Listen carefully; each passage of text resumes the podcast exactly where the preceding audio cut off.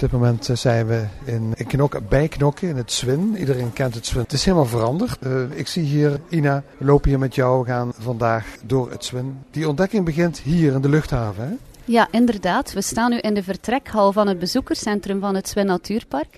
En in de vertrekhal zie je welke vogels er momenteel vertrekken, bijvoorbeeld naar het zuiden, en welke vogels er naar hier komen. Uh, dus je kunt dat mooi op een bord zien, de departures en de arrivals, zoals in een echte luchthaven. En dat komt omdat uh, het Zwin Natuurpark is eigenlijk een luchthaven voor vogels. Dus de vogels die zijn vrij, die uh, komen en gaan wanneer ze willen. Ze stijgen op en ze landen bij ons in het Zwin Natuurpark. En we zijn ook een luchthaven voor vogels. Dat is ook een knipoog naar vroeger, want vroeger was er hier ook in de buurt echt een luchthaven met commerciële vluchten naar Engeland bijvoorbeeld. Dus de vogelkooien hebben we niet meer, maar je ziet heel veel vogels in de vrije natuur. We zijn een echt natuurpark geworden.